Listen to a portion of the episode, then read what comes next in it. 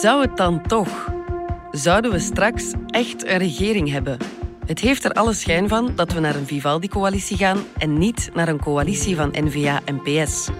Hoe komt dat? En waarom maakt met name Open VLD de bocht van paarsgeel naar paarsgroen? Het is dinsdag 8 september. Ik ben Lise Bonduel en dit is de podcast van de Standaard.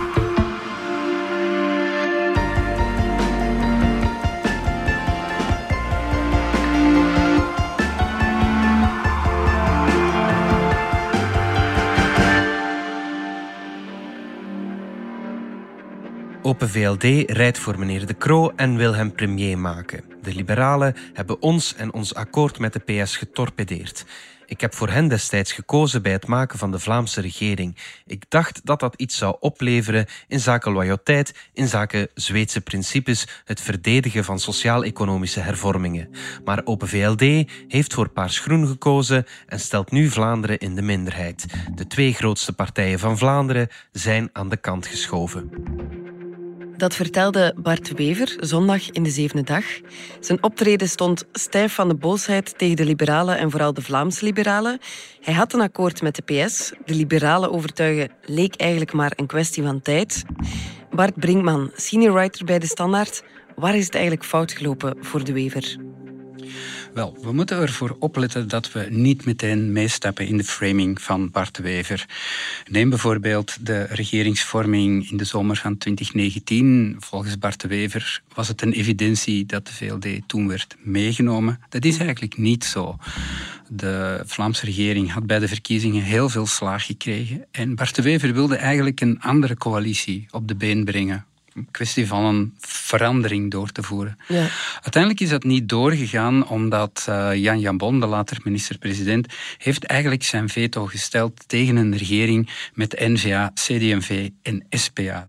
Die hele episode heeft toen al de waakzaamheid bij toenmalig uh, eh, VLD-voorzitter Gwendolyn Rutte aangescherpt. En dat is ook een beetje de reden waarom dat ze het identitair programma dat Bart de Wever wilde doorvoeren met die Vlaamse regering, identitair, dat verwijst naar identiteit, dus alles rond migratie, taal, eh, samenleven en dat soort dingen meer. Uh, dat heeft Open VLD toen bij de regeringsonderhandelingen afgezwakt. Zelfs in die mate dat ze zelf een minister naar voren hebben geschoven, hmm. namelijk Bart Somers, die dat hele beleid moest vormgeven. En we kunnen toch al zeggen dat toen al de animositeit tussen Bart de Wever en Gwendoline Rutte een, een aanvang heeft genomen. Ja.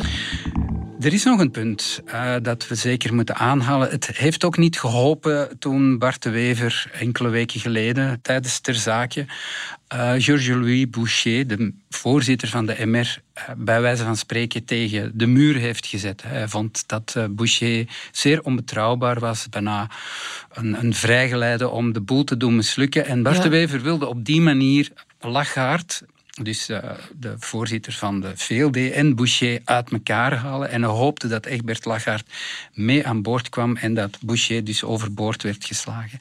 Dat op die manier heeft hij Egbert Lachart in een heel moeilijk parket uh, gezet. Mhm. En wellicht is dat ook een strategische fout geweest. Bart de Bever ging er al te gemakkelijk vanuit dat Egbert Lachart hem zou volgen, omdat Lachart in het verleden altijd zijn voorkeur heeft uitgesproken voor een coalitie tussen de NVA en de PS, waar mhm. de VLD dan bij kon aansluiten. Dus Bart de Wever dacht, die voorwaarde is vervuld en Lachart zal wel volgen. Mhm. En dat is dus niet gebeurd. En nu is het altijd zo als de wever iets van iemand verwacht en hij wordt daarin teleurgesteld, ja, dan reageert hij meestal medogeloos. En dat is wat we ook gezien hebben. Hè. De, de, verhouding tussen, tussen Lachaert en de wever, ja, die stond uh, heel snel onder het vriespunt. Ja, en dan komt Lachaert aan zet, een man die dus ja, niet echt overloopt van enthousiasme voor paars-groen. Toch lijkt hij dan meteen die kant te kiezen. Hij heeft ons meteen getorpedeerd, zegt uh, de wever. Hoe komt dat? Wel, daar passen eigenlijk twee woorden bij. Voortschrijdend inzicht.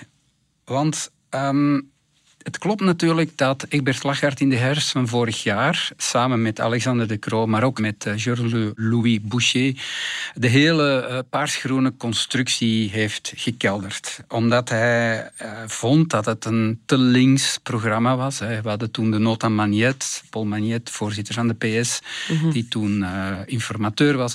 Dus hij vond dat allemaal veel te links. En het was duidelijk dat Lachart toch liever met de NVA in zee wilde.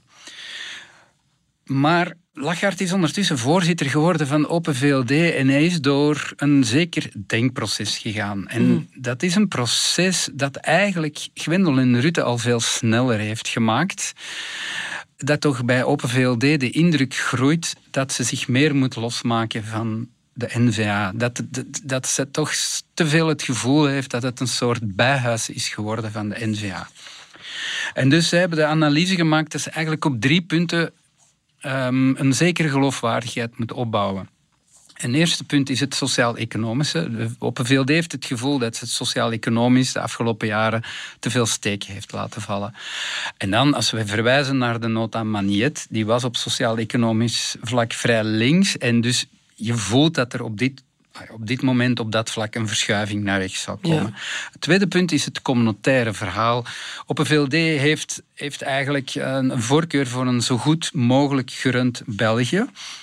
En dat betekent dat je ongetwijfeld efficiëntiewinsten moet maken door hervormingen. Maar die kunnen in alle richtingen gaan. Die kunnen gaan naar meer Vlaanderen, maar die kunnen ook gaan naar meer België. En dat is natuurlijk voor de NVA een, een, een no-go. Zij willen alleen maar in de richting van meer Vlaanderen gaan. En een derde punt is het ethische. Dus Open VLD is een partij die op ethisch vlak uh, vooruit wil gaan. Mm -hmm. uh, dat wil zeggen dat je bijvoorbeeld een, een, nieuwe wetgeving rond abortus moet hebben, maar ook rond euthanasie. Euthanasie bij mensen die lijden aan dementie of euthanasie bij mensen die vinden dat hun leven voltooid is. Dat soort discussies.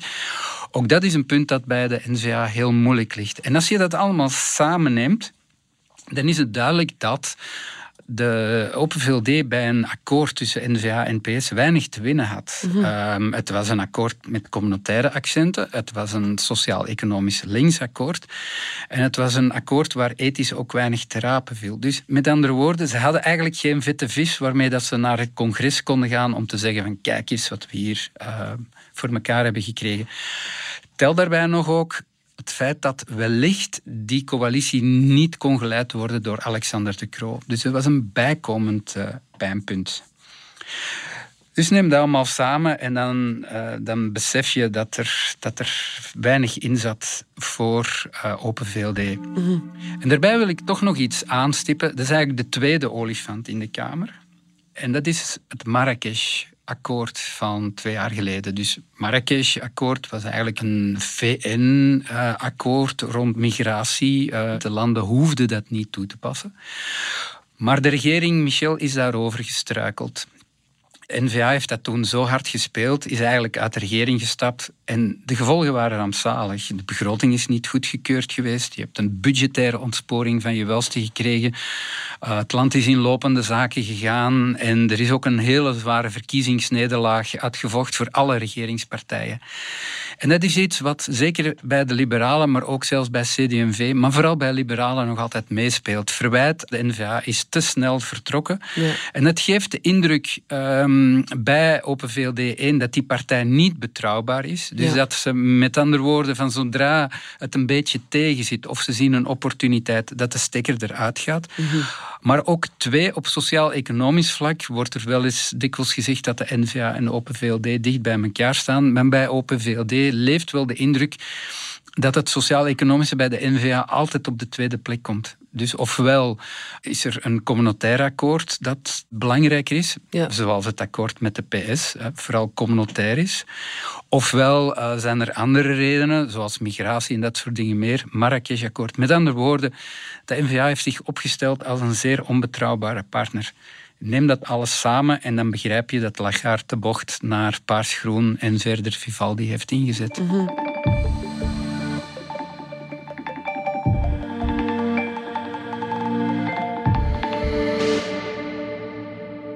Krijgt Lagarde Vivaldi verkocht aan zijn partij? Of zal dat alleen lukken als de Open VLD de premierpost kan binnenhalen?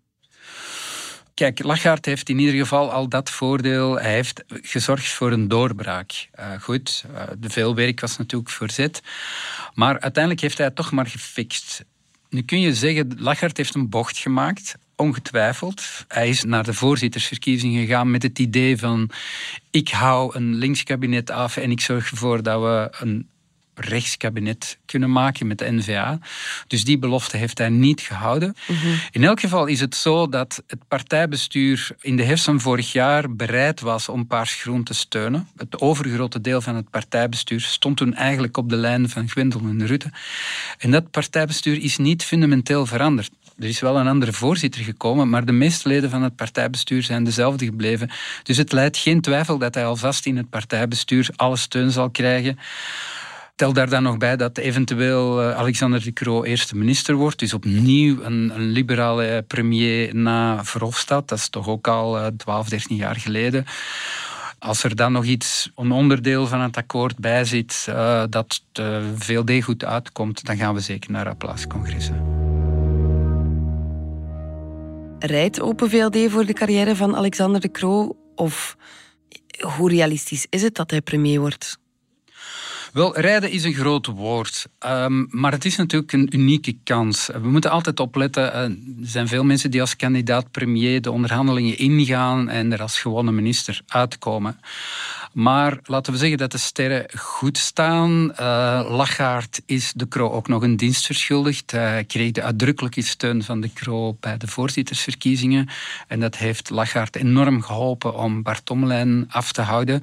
Mm um, maar ja, goed. Uh, er, zijn ook, uh, er zijn ook andere kandidaat-premiers. Dus het is zeker geen gelopen koers. Maar als we vertrekken van het idee dat de Vlamingen uh, een klein beetje in de minderheid zijn, dus dat het een, aan de Vlaamse kant een, een beetje minderheidskabinet is, dan zou het niet slecht zijn dat er een Vlaming eerst minister wordt. We hebben ook zowat negen jaar Franstalige eerste ministers achter de rug. Dus ook dat is een argument om te zeggen dat het opnieuw een Vlaming mag zijn. Mhm. Dus laten we zeggen, dat de kaarten goed liggen, maar dat het spel nog niet gewonnen is.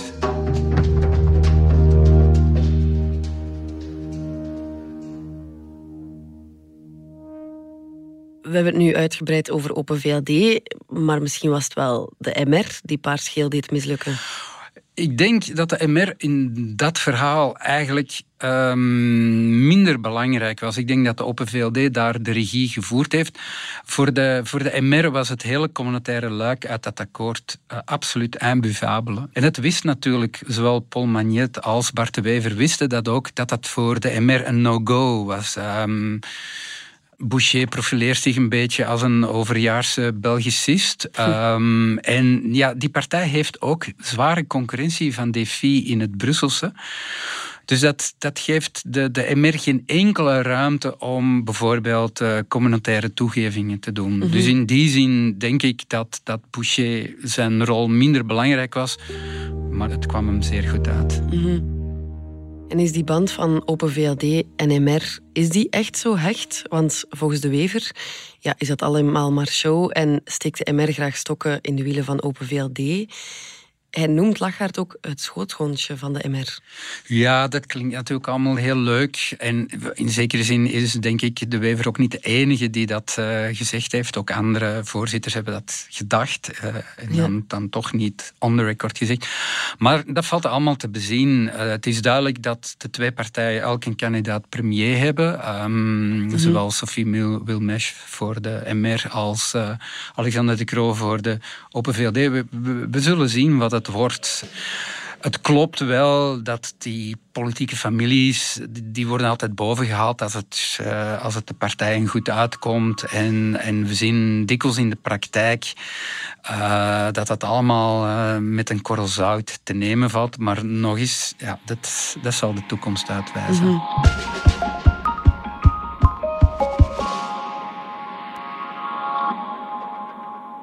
Ik denk dat wij vandaag goed nieuws kunnen melden.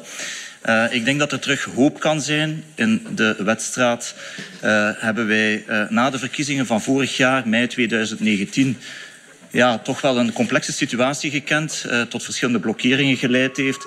Er zijn heel wat pogingen gedaan om onderhandelingen te starten tot het vormen van een federale regering. Dat was Lachaert en een van de mislukte pogingen was Paars-Geel. Open VLD en MR waren daar dus geen fan van, maar de PS was waarschijnlijk ook maar al te blij dat ja, het kaartenhuisje met de Wever instortte, want dan waren ze van die moeilijke coalitie verlost. Ja, maar dat beeld verdient toch nuance. Um, het zou wel dat de PS liever een Vivaldi-coalitie heeft dan een coalitie met Bart de Wever. Al was mhm. het maar omdat de interne weerstand uh, minder groot zal zijn. Er was hoe dan ook weerstand tegen een samenwerking. Aan de andere kant zal het uh, inhoudelijk uh, hoe dan ook wat rechtser uitvallen. Mm Met andere woorden zal het de PS inhoudelijk minder goed uitkomen. Dus je hebt het beeld van een linksere coalitie dat een rechtser beleid zal voeren. En bijvoorbeeld bij de SPA ligt dat moeilijk. De SPA heeft echt het gevoel dat er meer te rapen viel eh, met een coalitie uh, met de NVA. Uh, en bij de SPA leeft ook de overtuiging dat samengaan van de NVA en, en Vlaams Belang in de oppositie, dat dat bepaalde hoe moet ik het zeggen, uh, separatistische krachten kan voeden met alle problemen voor 2024 van dien. Mhm. Dus de SPA is daar veel meer rond beducht en verkoos eigenlijk toch wel een samenwerking uh, PS-NVA boven de huidige Vivaldi-coalitie. Maar goed, we hebben allemaal uh, Conor Rousseau gehoord, de voorzitter. Die heeft zoiets van, we gaan niet over het verleden blijven zanneken. Er ligt nu een nieuwe coalitie klaar. Maar het is iets te gemakkelijk om te zeggen van, dat er gejuicht wordt bij de socialisten. Dat is zeker niet zo. Mhm. De Wever ziet het natuurlijk duidelijk als... De andere partijen hebben altijd een coalitie willen maken zonder N-VA. Alleen moest er wat tijd overgaan voor men dat verkocht kreeg in de publieke opinie. Ja, maar dat is eigenlijk de taal van een verliezer. Die zegt, ja, het stond in de sterren geschreven. Al een jaar geleden was het duidelijk waar we gingen eindigen. Eh, eh, eigenlijk hebben ze mij heel de tijd belazerd. We moeten daar toch voorzichtig mee zijn. Concreet was er al een bubbel van vijf. Uh, namelijk de NVA, de SPA en CD&V aan Vlaamse kant en de PS en CDH aan Franstalige kant. Mhm. Dus er was dan al een basis van 70 zetels. Men kwam één partij tekort. Um, er was zelfs even sprake van dat ze als minderheidskabinet zouden starten. Dus er was wel een basis gelegd. Alleen, ja, die zesde partij bleef uit. En we kunnen toch niet anders, en wellicht zal, uh, zullen toekomstige reconstructies dat uitwijzen, we kunnen toch niet anders dan wijzen op de manier waarop uh, Bart de Wever geprobeerd heeft om mhm. VLD en MR uit elkaar te, te halen en dat dat valikant mislukt is. Met andere woorden, ook hij draagt een verantwoordelijkheid voor die mislukking. Hij kan niet blijven volhouden dat het allemaal de schuld van de anderen is. Ook mhm. hij heeft het spel op een bepaald moment meegespeeld heeft een aantal risico's genomen die eigenlijk in zijn gezicht ontploft zijn. Mhm. Maar misschien zit Wever ook liever in de oppositie dan in de regering. Daar geloof ik echt niks van. Um, de, de NVA heeft geproefd van de macht, um, heeft een aantal mensen die maar al te graag opnieuw minister willen worden. En bovendien, ehm, in die federale regering had de NVA natuurlijk een grotere kans om haar uiteindelijke doelstelling, namelijk de verdere ontmanteling van België, uh, meer macht naar de regio's om, om dat te realiseren. En dat is nu veel moeilijker geworden. En dat wijst ook op het feit dat, dat Bart de Wever eraan denkt om er nog maar eens een termijn bij te doen als voorzitter. Omdat hij toch ergens in die, in die regisseursstoel wil blijven zitten om, om zijn project waar te maken. Want het zou wel eens kunnen zijn dat hij ja, anders zijn, zijn magisch moment gemist heeft. Dat hij zijn afspraak met de geschiedenis gemist heeft. Mhm.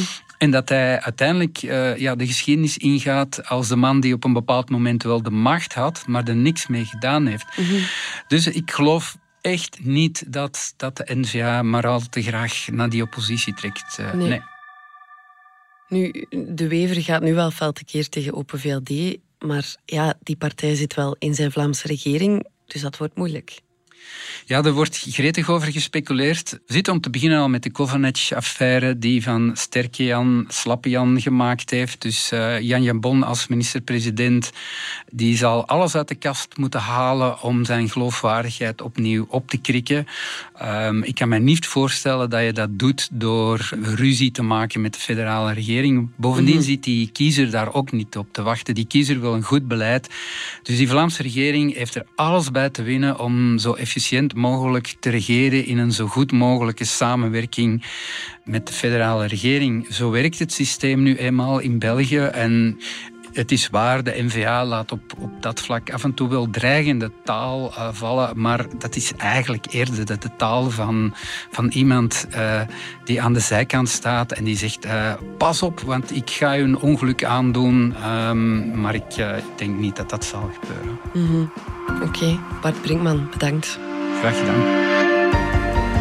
Dit was de podcast van de Standaard. Bedankt voor het luisteren. Wil je reageren? Dat kan via podcast.standaard.be. Alle credits vind je op standaard.be-podcast. Morgen zijn we opnieuw.